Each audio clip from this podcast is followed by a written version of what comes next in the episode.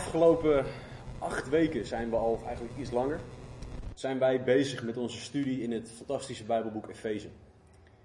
En ehm, we hebben een reis gemaakt, tot nu toe door Efeze 1 tot en met 4. En we hebben erin een hele hoop gezien. We hebben erin gezien Paulus' hart voor de gemeente. We hebben erin gezien de theologie, de, de theorie, de basis van dingen die wij horen te geloven.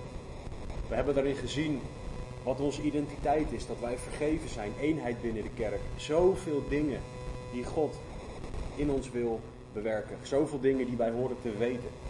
En vorige week en de week daarvoor zijn we begonnen aan Efeze hoofdstuk 4.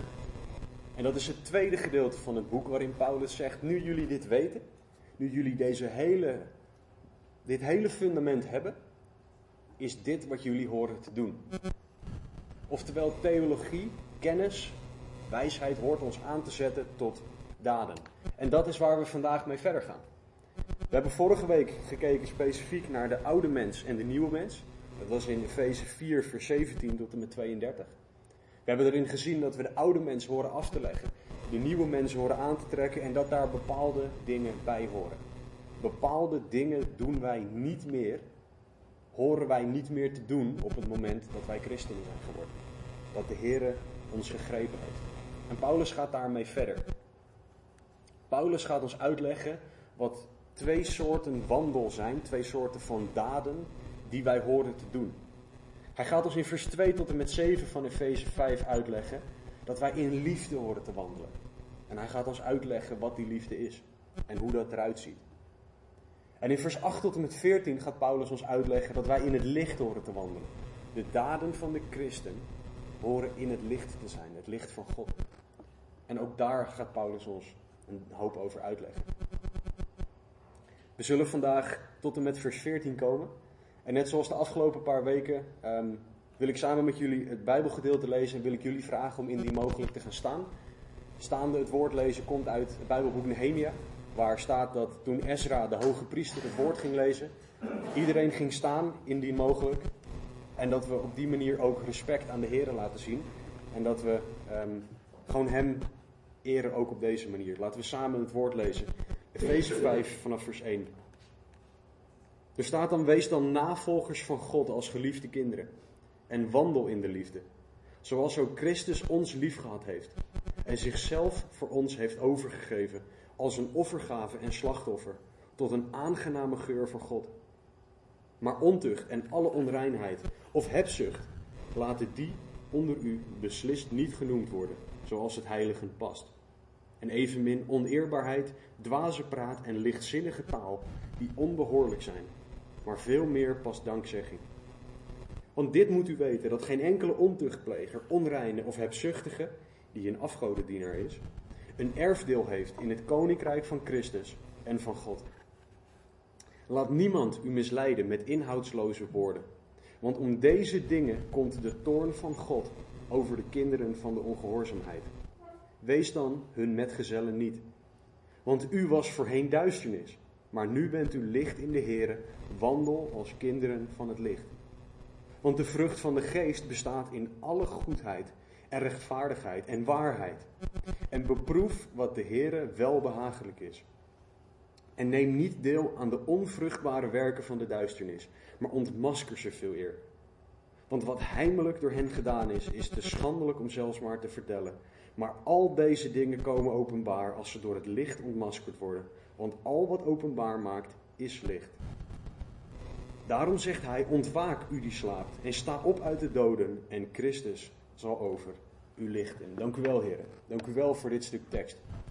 Dank u wel dat u zo'n ontzettend groot, liefdevol en goed God bent. Dank u wel, heren, dat u tot ons wil spreken vandaag. Dank u wel dat u ons allemaal wil aanraken en veranderen. Heren, niemand zit hier bij toeval. Dus Heer, het is mijn gebed dat u onze gedachten verandert. Dat u tot het diepst van ons ziel zal spreken, Heer, dat wat wij nodig hebben. Heer, waar, wij, waar nodig, bekeer ons. Heer, spreek ons aan, bemoedig ons, bouw ons op, Heer, alles wat u vindt dat wij nodig hebben. Heer, spreek door mij heen, geef mij woorden van leven, Heer, uw woorden. Heer, dat bid en vraag ik in Jezus' naam. Amen. Neem alsjeblieft plaats.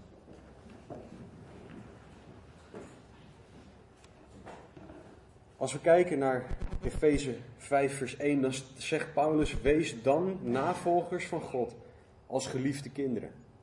En wat Paulus hier doet en wat hij vaker doet, is hij begint een nieuw blok aan tekst door een conclusie te trekken. En dat zie je aan het woord dan. Dat woord betekent: ik ga nu een conclusie trekken op basis van wat er hiervoor gekomen is. Dus Paulus gaat opnieuw, of hij gaat eigenlijk verder met uitleg van het effect van theologie op onze daden. Wat wij geloven hoort te bepalen wat wij doen. Wij horen navolgers te zijn van God. En wat Paulus hier letterlijk zegt, is: Ik wil dat jullie God imiteren. Ik wil dat jullie een volgeling zijn van God. En dat komt uit het idee dat je iemand volgt door het positieve voorbeeld dat je van die persoon krijgt. En het perfecte voorbeeld daarvan is Jezus. Hij was de perfecte persoon om na te volgen. Want hij gaf het allerbeste voorbeeld dat wij ooit kunnen krijgen. En Paulus' opdracht voor de kerk is dan: volg God. Imiteer God. Oftewel, doe wat God doet en wat God gedaan heeft. En weet je, dit is onmogelijk. Laten we gewoon heel eerlijk zijn. Dit is compleet onmogelijk, want God doet perfecte dingen. Dus hoe kunnen we dit dan doen? Nou, in Efeze 5:18 staat dat wij gevuld, vervuld moeten zijn met de Heilige Geest. Dat is de enige manier waarop wij dit kunnen doen.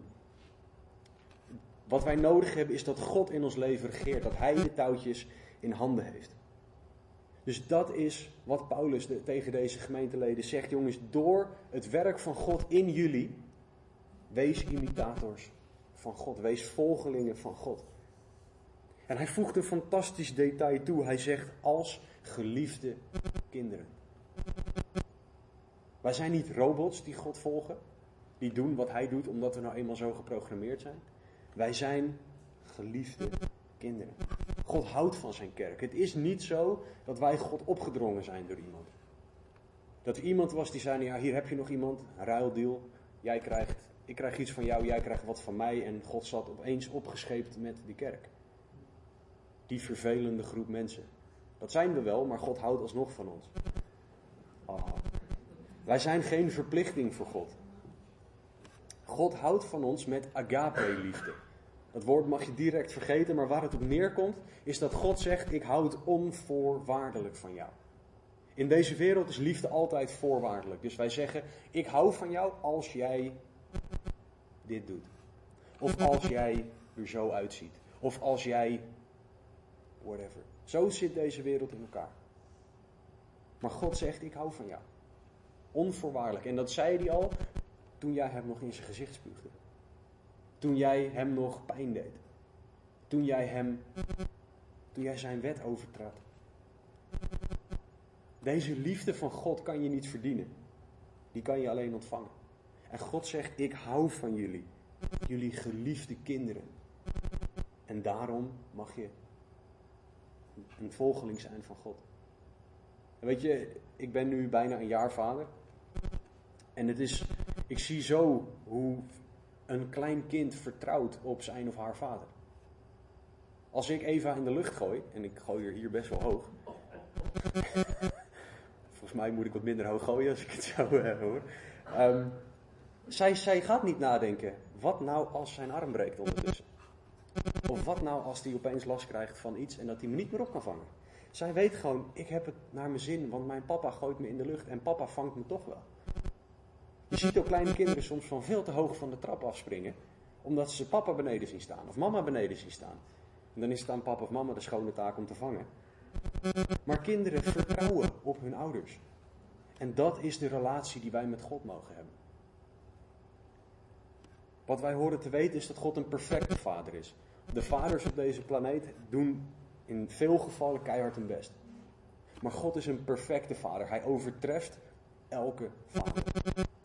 Hij is de vader die er altijd is, die altijd liefde heeft, die je nooit het huis uit zal schoppen. Hij is de vader die perfect van je houdt. En wij mogen hem volgen, omdat hij zoveel van ons houdt. En dat is waar Paulus dit stuk mee begint. Volg God, want jullie zijn geliefde kinderen. Wat een fantastisch begin. Paulus gaat verder vanaf vers 2 en hij zegt: Wandel in de liefde, zoals ook Christus ons lief gehad heeft en zichzelf voor ons heeft overgegeven. Als een offergave en slachtoffer tot een aangename geur voor God. In Efeze 4 tot en met 6, zoals ik al gezegd had, gaat het over de daden van de christen. En Paulus omschrijft dat op zijn Paulus als de wandel van de christen. Wat te doen, hoe doen we dat en waarom doen we dat? En hij gebruikt vijf keer dat woord voor wandel.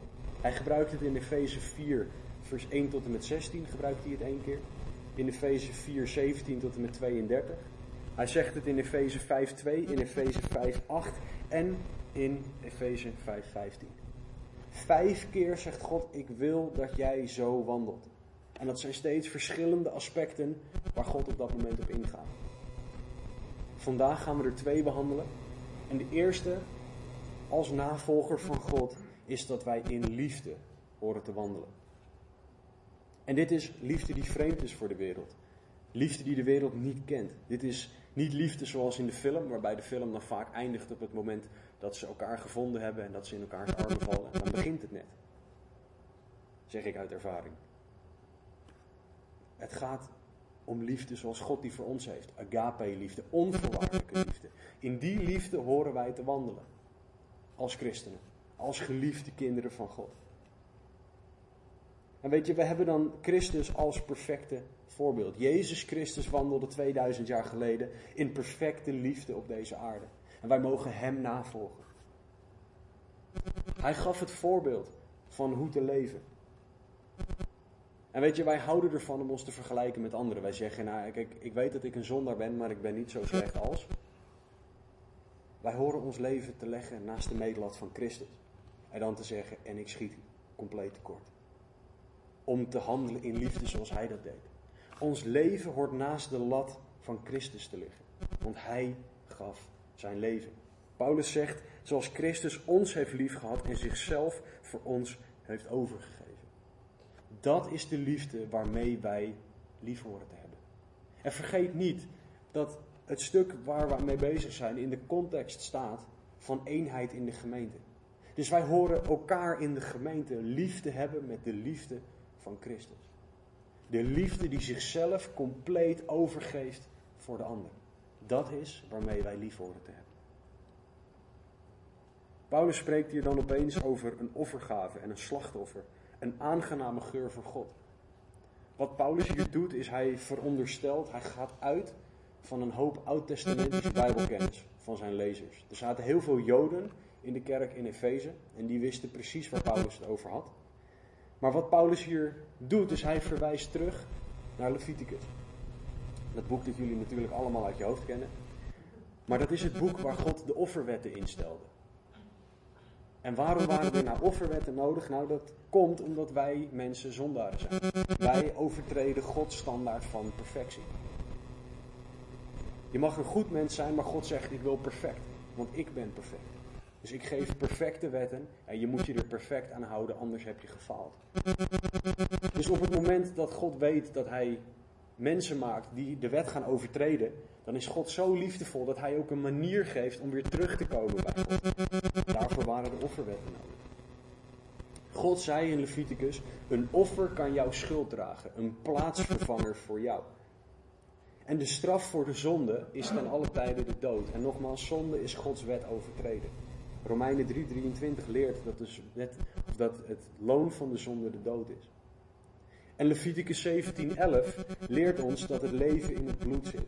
Oftewel, als je dat bij elkaar voegt, dan moet het bloed van een plaatsvervanger, van een offer, in jou en mijn plaats komen om onze zonde te kunnen vergeven.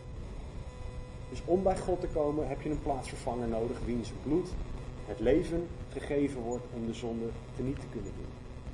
En het is niet zo dat Jezus, want Jezus is degene die dit voor ons gedaan heeft, dat Jezus een sneetje in zijn vinger kon maken en dat hij een klein beetje bloed kon geven. Maar al het bloed was nodig.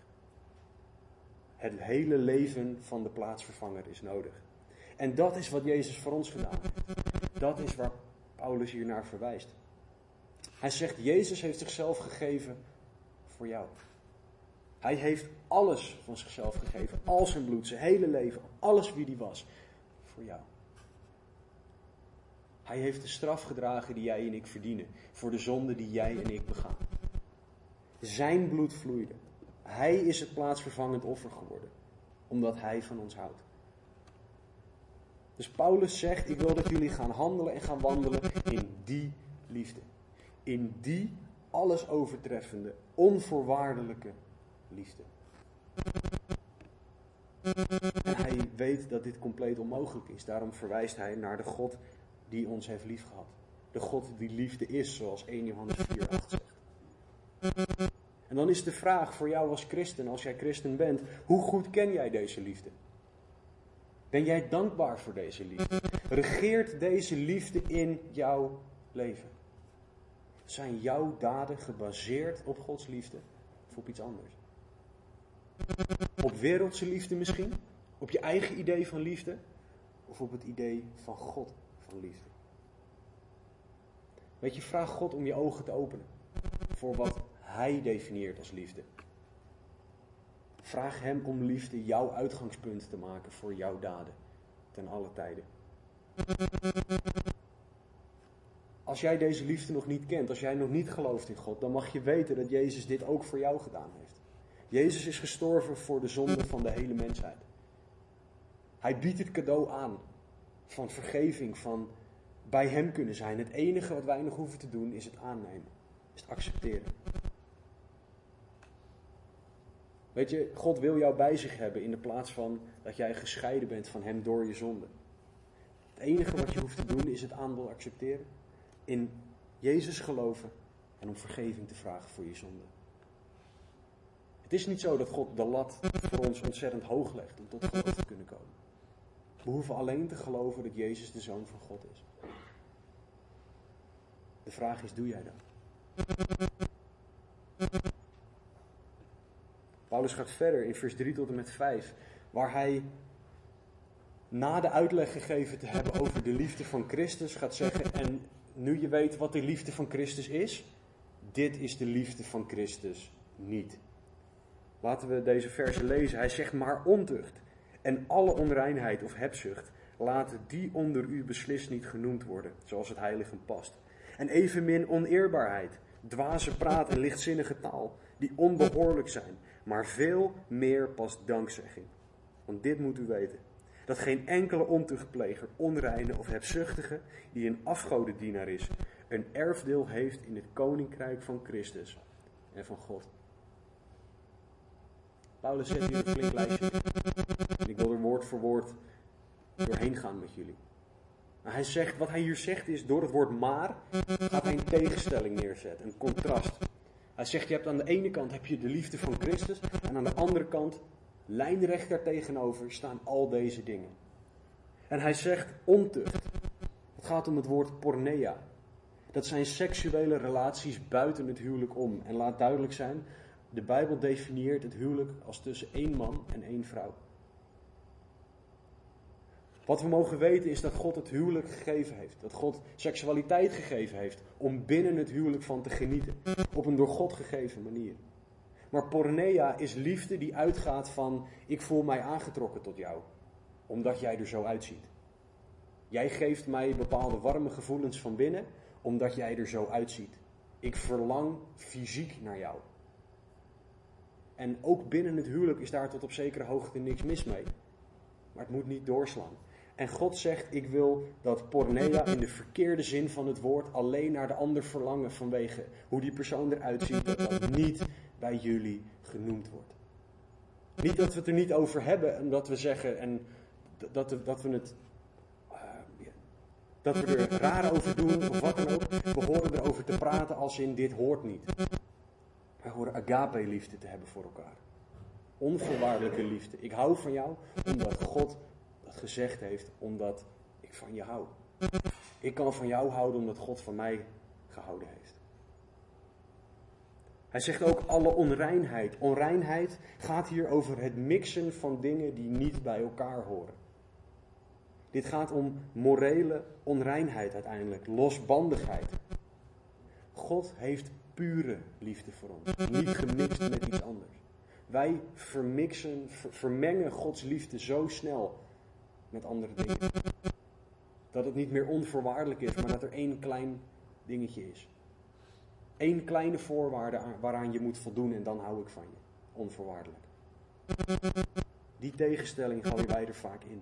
God wil niet dat wij dit soort dingen in ons leven hebben. Wij horen onszelf niet te vermengen met dingen die niet van God zijn.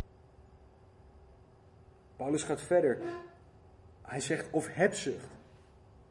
Dit is een onuitblusbaar verlangen naar meer. John D. Rockefeller is iemand die in de geschiedenis bekend staat als misschien wel de rijkste man ooit. En er werd een beroemde vraag aan hem gesteld, meneer Rockefeller. Um, wanneer is het genoeg? En hij gaf het legendarische antwoord wat precies definieert wat hebzucht is. Nog een beetje meer. Die man had meer rijkdom dan dat deze wereld op kan maken. En hij zegt nog een beetje meer en dan is het genoeg. Wat je dan doet is dat je iets op de plek van God zet. Daarom gaat Paulus het verderop ook afgoderij noemen. Wij zetten iets op de plek van God. En in dit geval, het geval van hebzucht, is het geld. Of iets voor jezelf willen hebben. Dit is niet hoe Jezus van ons hield. Hij hield die liefde niet voor zichzelf of voor God in de hemel, afgesloten van de rest van de schepping. Hij kwam naar ons toe en hield van ons. Compleet. Hij gaf alles van zichzelf op. Paulus zegt, laten deze dingen onder u niet genoemd worden zoals het heilige past. Hij zegt evenmin oneerbaarheid. Dit is obscene gedrag, dingen die niet passen bij een christen, dingen die geen eer aan God brengen. Welke dingen doen wij die geen eer aan God brengen? Paulus zegt dit hoort niet bij ons, oneerbaar gedrag. En daar valt heel veel onder. Paulus zegt later ook geen dwaze praat eh, onder jullie zijn. Dat zijn woorden die God geen eer brengen. Misschien grappen die niet uitgesproken horen te worden. De Bijbelcommentator R. Trench heeft erover gezegd: dit is het gepraat van dwazen.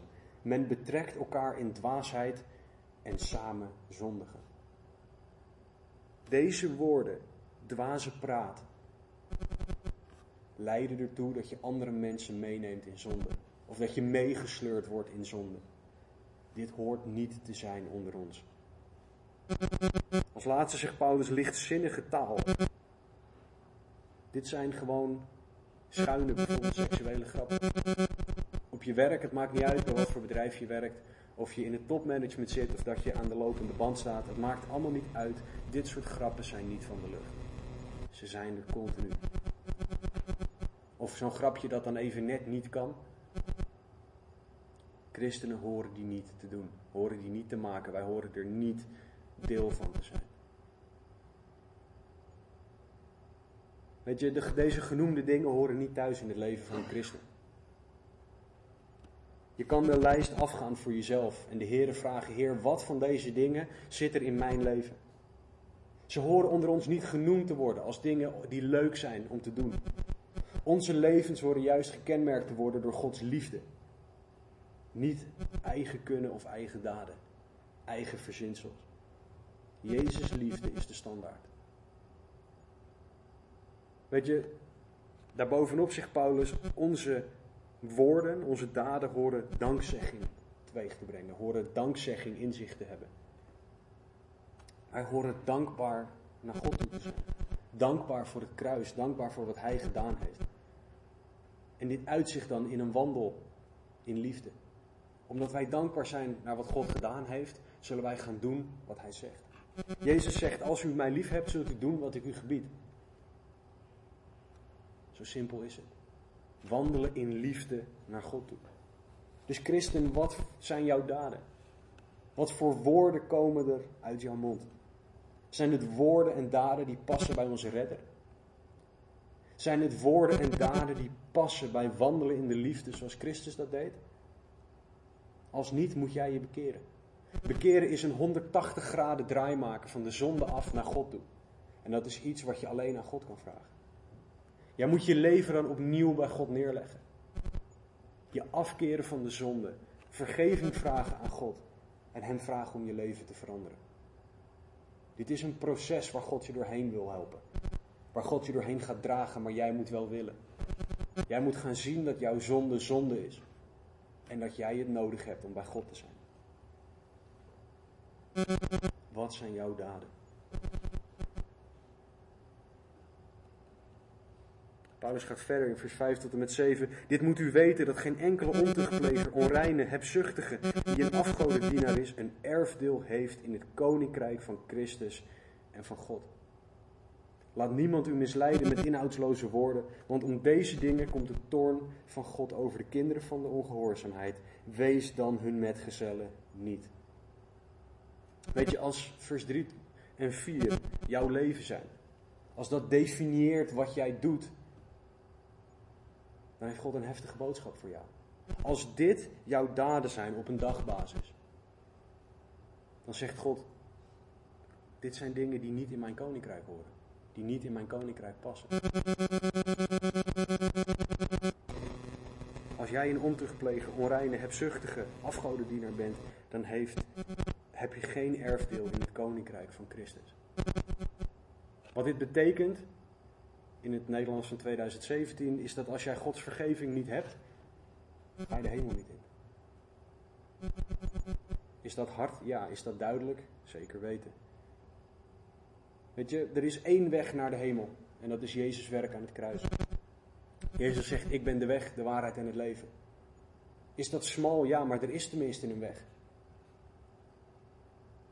Weet je, als je Hem aanneemt, zal God jou gaan veranderen naar zijn evenbeeld. Jij zal andere daden gaan doen dan voordat jij tot geloof kwam. En die daden zullen gebaseerd zijn op Gods liefde. En deze hoop is er voor elk mens. Het is niet dat ik zeg en jij en jij en jij wel, ik bepaal. Nee, God zegt, al zo lief had God de wereld. De hele wereld. Jezus kwam naar de aarde voor jou. Voor een ieder van jullie. En hij stelde redding en vergeving beschikbaar voor ieder mens. Ieder mensen. Paulus zegt, heeft het over de kinderen van ongehoorzaamheid in vers 6 en dat we niet misleid moeten worden door hen. De kinderen van ongehoorzaamheid zijn de mensen die niet geloven in Jezus, die niet doen zoals Jezus is. Paulus zegt dat de toorn van God over deze mensen komt, oftewel Gods oordeel over de zonde. God is zo duidelijk. God is pijnlijk duidelijk. Maar hij zegt dit in liefde omdat hij niet wil dat een van ons deze route bewandelt. God wil niet dat wij deze kant op gaan. Hij wil juist dat wij in zijn vergeving wandelen, in zijn liefde wandelen. En weet dan, christen, dat jij niet misleid hoort te worden omdat wij het woord van God hebben. Dat is de basis van waaruit wij horen te denken en te doen. Inhoudsloze woorden waar Paulus het over heeft. Laat u niet daardoor misleiden, zegt hij. Dat zijn woorden zonder geestelijke waarde. Zo vaak komen christenen samen zonder dat er geestelijk waardevolle woorden gesproken worden. Als wij bezig zijn met dingen die geen geestelijke waarde hebben, heeft dat een effect op ons. Denk maar eens na over de muziek die je luistert en de teksten die jij in je gedachten laat. Wat doen die teksten met jou? Denk na over de films, tv-series die je kijkt. Het heeft allemaal effect op hoe jij naar de wereld kijkt. Laat je niet misleiden, laat je niet misleiden door inhoudsloze woorden. Paulus zegt: wees geen deelnemer. Wees hun metgezellen niet. En wat hij daarmee bedoelt, is dat we geen deelnemer moeten zijn aan de levens van deze mensen. De mensen die onder Gods toorn vallen. Paulus zegt hiermee niet, je mag geen ongelovige vrienden hebben. Alle mensen die jij kent moeten geloven, is niet wat Paulus zegt. Hij zegt, heb geen deel aan hun zonde. Paulus zegt, wij horen het licht van God te zijn, wij horen zijn liefde te tonen. En hoe liefdevol is het als wij mensen niet vertellen dat ze richting een ravijn rijden of rennen? Hoe liefdevol is het als wij mensen niet waarschuwen voor wat ze doen en de gevolgen van wat ze doen? Als mijn dochter haar vingers in een stopcontact wil steken, omdat ze nog nooit eerder een stopcontact heeft gezien, als 11 maanden oude baby, dan ga ik ook niet zeggen, nou probeer het maar een keer, je moet alles gedaan hebben in je leven. Als ik een baby van 11 maanden onder 230 aan stroom zet, dan heeft het catastrofale gevolgen voor haar, dan gaat ze dood. Wij horen mensen te wijzen op de gevolgen van hun daden, want ze brengen de dood voort. Laten wij mensen in de waan dat het wel goed komt als het niet zo is. Gaan wij de discussie uit de weg, omdat we bang zijn voor de discussie? Of gaan we het gesprek aan omdat we van die ander houden, omdat God eerst van hun gehouden heeft?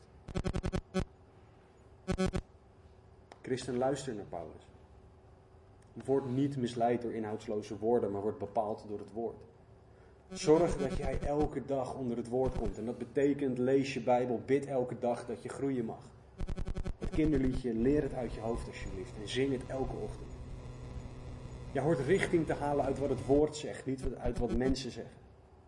Je moet geen deel hebben aan de zonde van mensen. Als jouw collega's staan te stelen uit de, uit de, ehm, uit de kantine van je werk, doe jij daaraan mee? Of zeg je er wat van? Als christenen niets doen wat niet kan, wat doe jij dan? Wij horen te handelen in liefde.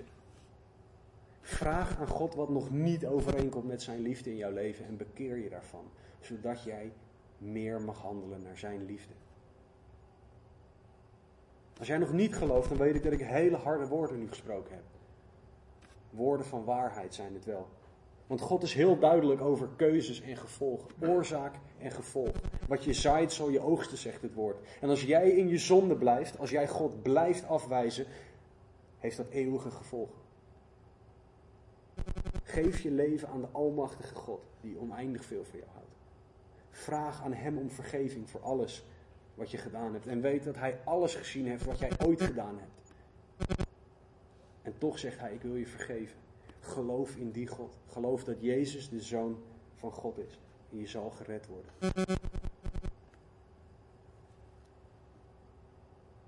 Paulus gaat verder in vers 8. Na dit fantastische stuk zegt hij: U was voorheen duisternis, maar nu bent u licht in de Heer. Wandel als kinderen van het licht.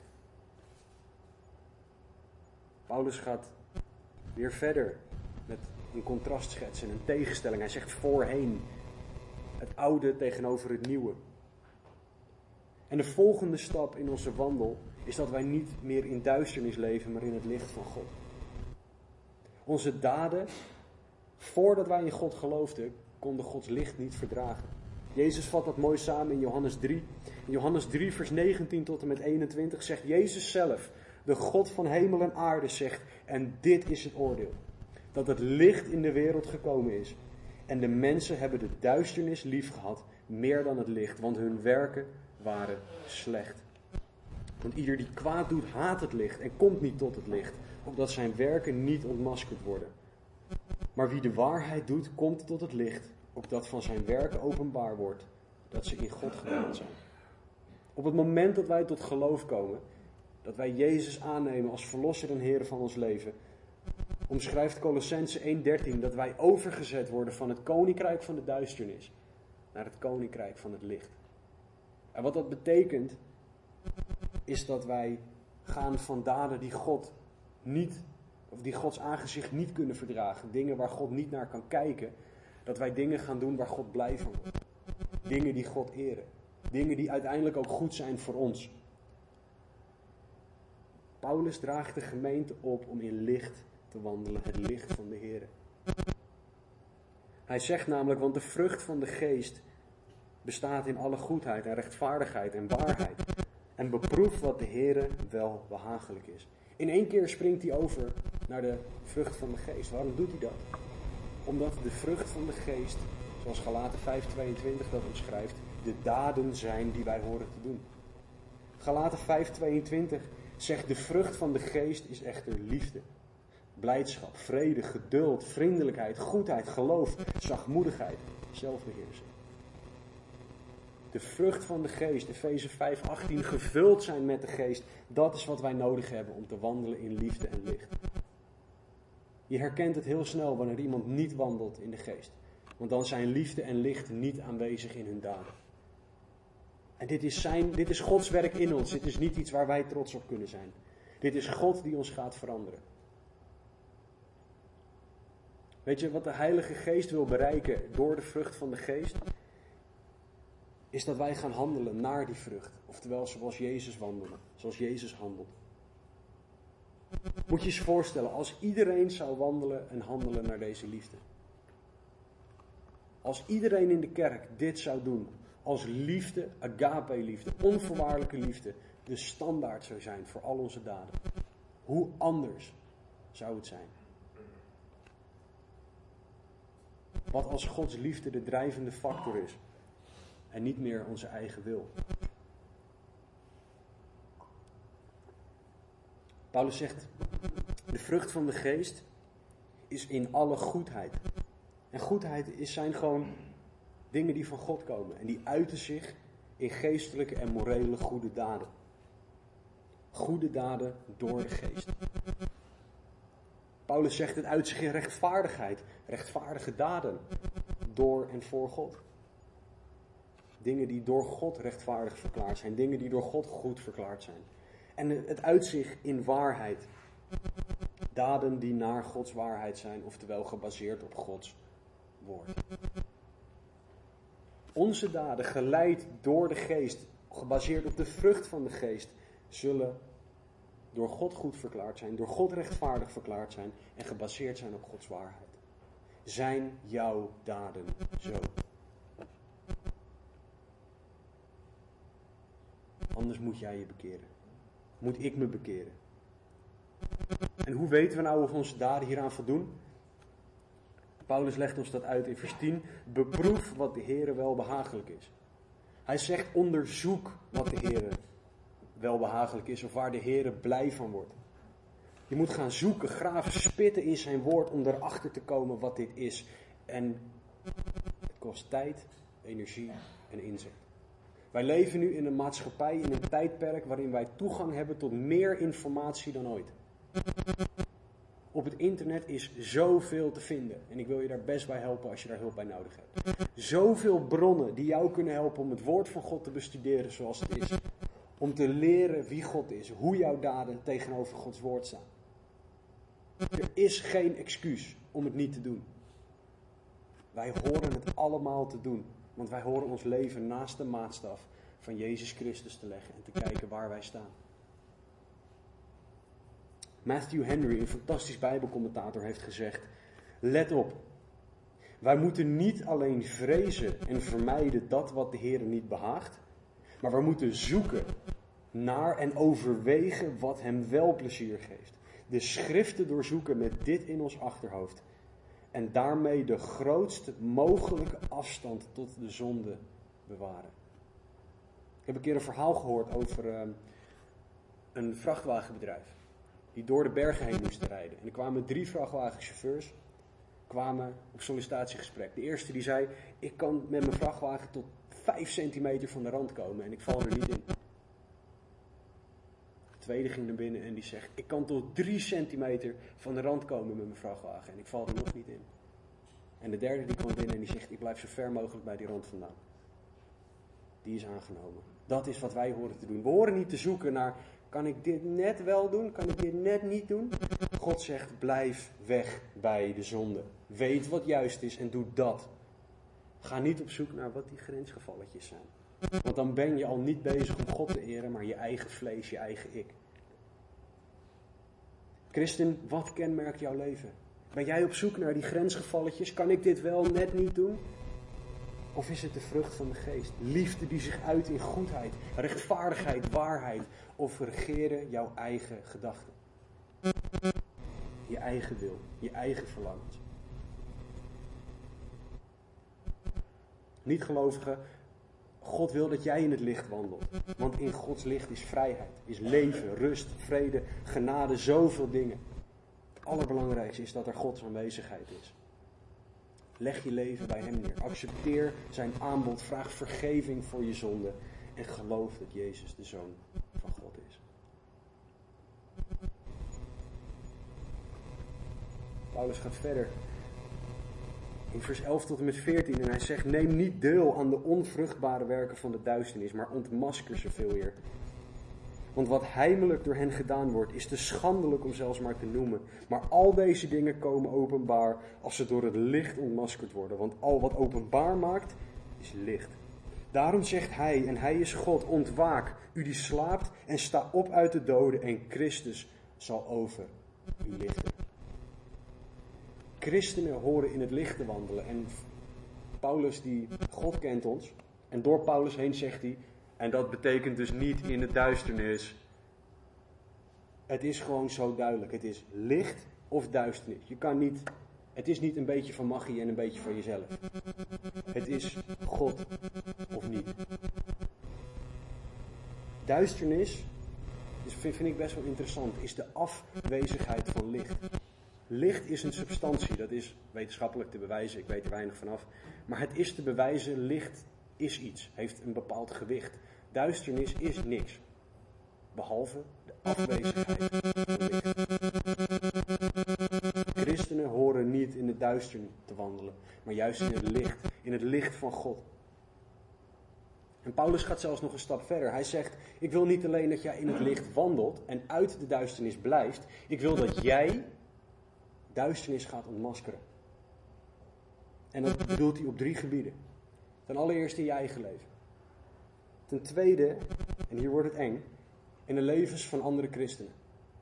En ten derde, hier wordt het nog veel enger, in de ongelovige wereld om ons heen. Alles begint met dat we ons eigen leven in het licht moeten houden.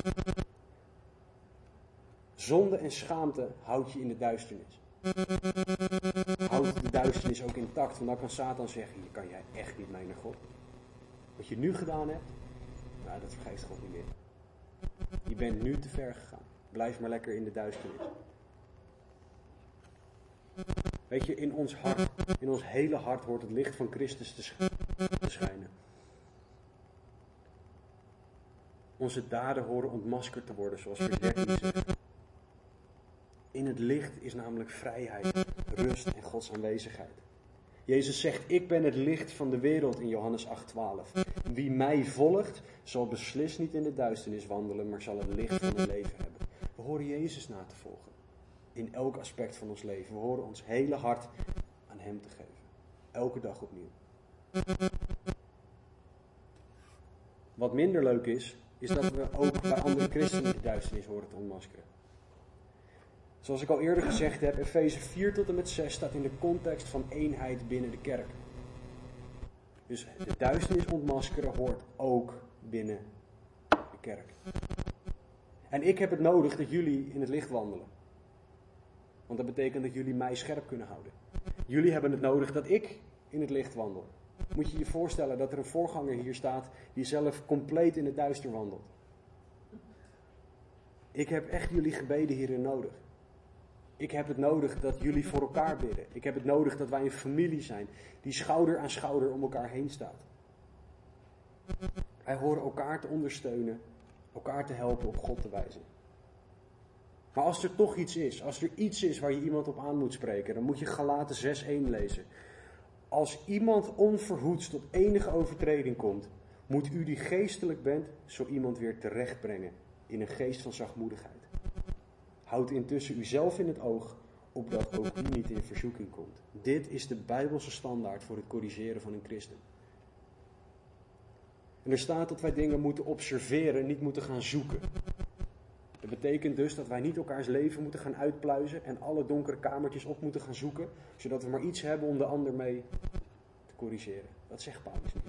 Hij zegt als je iets ziet dat niet overeenkomt met het woord, dan moet je in een geest van zachtmoedigheid iemand terecht proberen te brengen.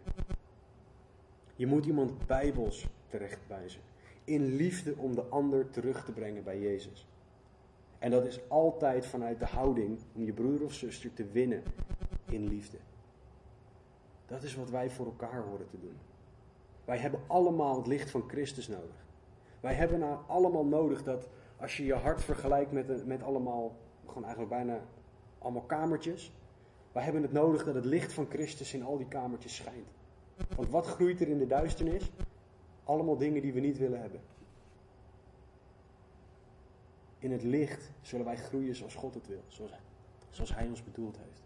Als je een plant in de duisternis zet, groeit die niet of niet goed. Als je een plant in het licht zet, en wij worden vergeleken met bomen in de, in de Bijbel, door dat licht zullen wij groeien zoals God het bedoeld heeft. Wij horen elkaar in het licht te houden. Maar wat Paulus ook bedoelt is dat wij de ongelovige wereld in liefde op zonde mogen wijzen. Ik zeg niet, laat dat heel duidelijk zijn, dat wij onze herziene staatvertaling moeten pakken, voornamelijk die grote versie, en op de ongelovigen af moeten stappen. En... Dat zeg ik niet. En dat zegt Paulus niet, want dat is geen liefde. Dat is iemand ondersteboven kegelen. Wij horen mensen duidelijk te maken dat God echt is, dat er gevolgen zitten aan daden. Wij horen mensen duidelijk te maken dat God van hen houdt. We horen mensen het probleem en de oplossing uit te leggen, waarbij het probleem onze zonde is. En dat wij allemaal geen haar beter zijn dan wie dan ook. En dat het offer van Jezus aan het kruis de oplossing is. Dat is wat wij de wereld horen duidelijk te maken. Wij horen dit aan de wereld te vertellen. Jezus zegt in Matthäus 28 dat wij de wereld in moeten trekken. Discipelen moeten maken van alle volken. Hen dopend in de naam van de Vader, de Zoon en de Heilige Geest. En hen moeten onderwijzen alles wat Jezus gezegd heeft. Wij horen onverbloemde, liefdevolle waarheid te vertellen aan de wereld. In liefde horen we dat te doen. Wij horen het licht van God te schijnen. Toen ik bij vers 14 kwam, dacht ik: hier kan Paulus het nooit tegen christenen hebben. Hij zegt: Ontwaak u die slaapt, sta op uit de doden en Christus zal over u lichten. Hoe kan hij dat nou tegen christenen zeggen? Weet je, Spurgeon heeft gezegd: de mens die slaapt, bekommert zich niet om wat er met zijn naaste gebeurt. Hoe kan hij ook als hij slaapt? En over sommige van jullie christenen maakt het niet uit of zielen gered worden of verdoemd zijn. Het is genoeg voor hen om comfortabel te zijn. Als zij een respectabele plek kunnen zoeken of bezoeken voor aanbidding, met anderen naar de hemel kunnen gaan, zijn zij onverschillig over al het andere. Dat is waar Paulus over heeft. Als jij slaapt, kan je praten. Er zijn wachten gekomen tijdens mannenweekend. Er was, gingen zelfs gesprekken s'nachts tussen twee slapende mannen. Dat was heel bijzonder. Maar je kan dus allemaal dingen doen terwijl je slaapt. Maar je bent je niet bewust van gevaar terwijl je slaapt. Je kan jezelf pijn doen terwijl je slaapt. Je kan uit je bed naar beneden vallen. Je bent je niet bewust van gevaren en dat is ook voor de christenen soms zo. Wij kunnen in slaap gesukkeld zijn, gevaar niet meer zien. Soms kunnen delen van ons zelfs dood, gevoelloos voor God geworden zijn. Weet je, dit omschrijft te veel christenen in slaap gevallen voor eigen zonde, geestelijke staat van de wereld om ons heen, niet meer gevoelig voor God. Paulus zegt, God zegt tegen jou en mij dat wij ophoren, staan uit de dood, ophoren te staan uit de dood door Christus werk in ons. Wij horen wakker gemaakt te worden door Christus. En ook wakker te willen worden. Wij horen oplettend bezig te zijn met Christus opdracht voor ons. En christen, mijn vraag is aan jou, slaap jij? Zijn er delen van jou dood, gevoelloos voor wat God wil zeggen? Vraag Hem om je wakker te maken, om je weer gevoelig te maken voor Hem. Vraag Hem om je wakker, scherp en gehoorzaam te houden. Als jij nog niet gelooft, dan mag je weten dat God wil dat jij leeft. Dan mag je weten dat God wil dat je eeuwig bij Hem bent, niet gescheiden van Hem. Je mag weten dat zonde in de weg staat. En dat Jezus de prijs betaald heeft voor die zonde. En dat jij nu bij God kan zijn door zijn werk. Geloof dat Jezus de Zoon van God is. Vraag vergeving voor je zonde, bekeer je. Ik heb het al een aantal keer gezegd, maar dit is wat wij horen te doen. We hebben vanochtend gekeken naar Paulus en zijn brief in Efeze, naar de Efezen. En hij heeft uitgelegd hoe de daden van de christen horen te zijn. Hij heeft gezegd dat wij in Christus liefde horen te wandelen. Onvoorwaardelijke liefde. Dat wij in Gods licht horen te wandelen. Liefde die alle verstand te boven gaat. Liefde die zichzelf volledig gaf. Wij horen te wandelen in licht dat alles ontmaskert in ons leven. Licht dat alles openbaar maakt. Mijn vraag is, wat zijn jouw daden? Waar zijn jouw daden op gebaseerd? Waar zijn jouw daden op? Christen, bepalen Gods liefde en Gods licht jouw daden? Of bepaalt de wereld, je eigen wil, mensen om je heen wat jij doet, wat jij denkt, waarom jij het denkt? Praat met God, want Hij heeft beter voor je. Praat met God, want Hij wil dat jij als Jezus bent en Jezus deed alles perfect. Hij handelde altijd vanuit liefde en wandelde compleet in Gods licht. Als jij in slaap bent gevallen of als je het niet weet, vraag God om je dat duidelijk te maken. Vraag God om je wakker te maken, vol vuur voor Hem. Vraag Hem om je weer een wakker christen te maken, zodat je wakker en scherp de wereld in kan gaan en Gods wil kan doen. Jij nog niet gelooft, weet dat God hier is. Ik heb heel veel dingen gezegd. Maar neem dit mee, dat de God die hemel en aarde gemaakt heeft, de God die de wateren in zijn hand kan houden, hier is. Kent jou door en door. Hij weet precies wie je bent. Hij weet alles wat je altijd gedaan hebt. En toch wil hij een relatie met jou hebben. Die God wil dat jij hem kent. Die God wil dat jij weet dat er nu zonde tussen jou en hem instaat. Alles dat je gedaan hebt dat niet voldoet aan de standaard van perfectie, staat tussen jou en God in. Weet dat Jezus die straf gedragen heeft voor jou, dat Hij zijn leven gegeven heeft, die liefde die Hij heeft, om jou en mij weer bij God te brengen. Aan jou is het om in God te geloven. Om te geloven in Gods Zoon Jezus Christus. Om te vragen om vergeving en je zonde bij Hem neer te leggen. We zullen zo met, samen met het aanbiddingsteam nog een aantal liederen zingen. Ga met God in gesprek tijdens die liederen. Ik wil aan Esmeralda, Joanie vragen om achteraan te gaan staan. Tati, ik wil jou ook vragen om aan de zijkant te gaan staan. Taco, jij ook. Als je met iemand wil bidden, stap op de mensen af die aan de zijkant staan. Ik zal zelf hiervoor staan. Stap op iemand af als jij gebed nodig hebt. Als jij het nodig hebt. Als God jou aangesproken heeft op dingen. Ga in gebed met iemand. Ga niet weg voordat je met iemand gebeden hebt. Voordat dingen weer juist zijn tussen jou en God. Laten we bidden. Heere God, dank u wel voor wie u bent. Dank u, Heere, dat u zo goed bent. Dat u uzelf uitstrekt naar ons. Dank u wel, Heere, dat u zo begaan bent met ons. Dat u duidelijk maakt hoe wij horen te handelen en te wandelen. Dank u wel dat u ons corrigeert, Heer. Dank u wel dat u niet gewoon zegt en nu is het klaar. Heer, ik bid dat u op dit moment tot een ieder spreekt. Heer, dat u harten zal bewegen.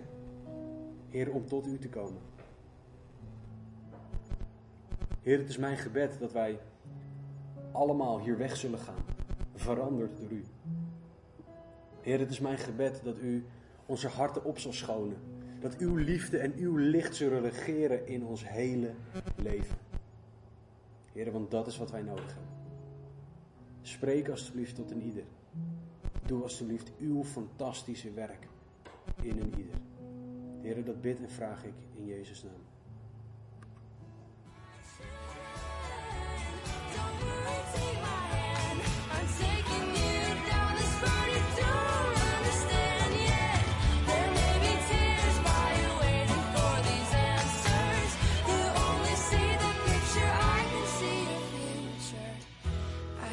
tell you right now, it's gonna be all.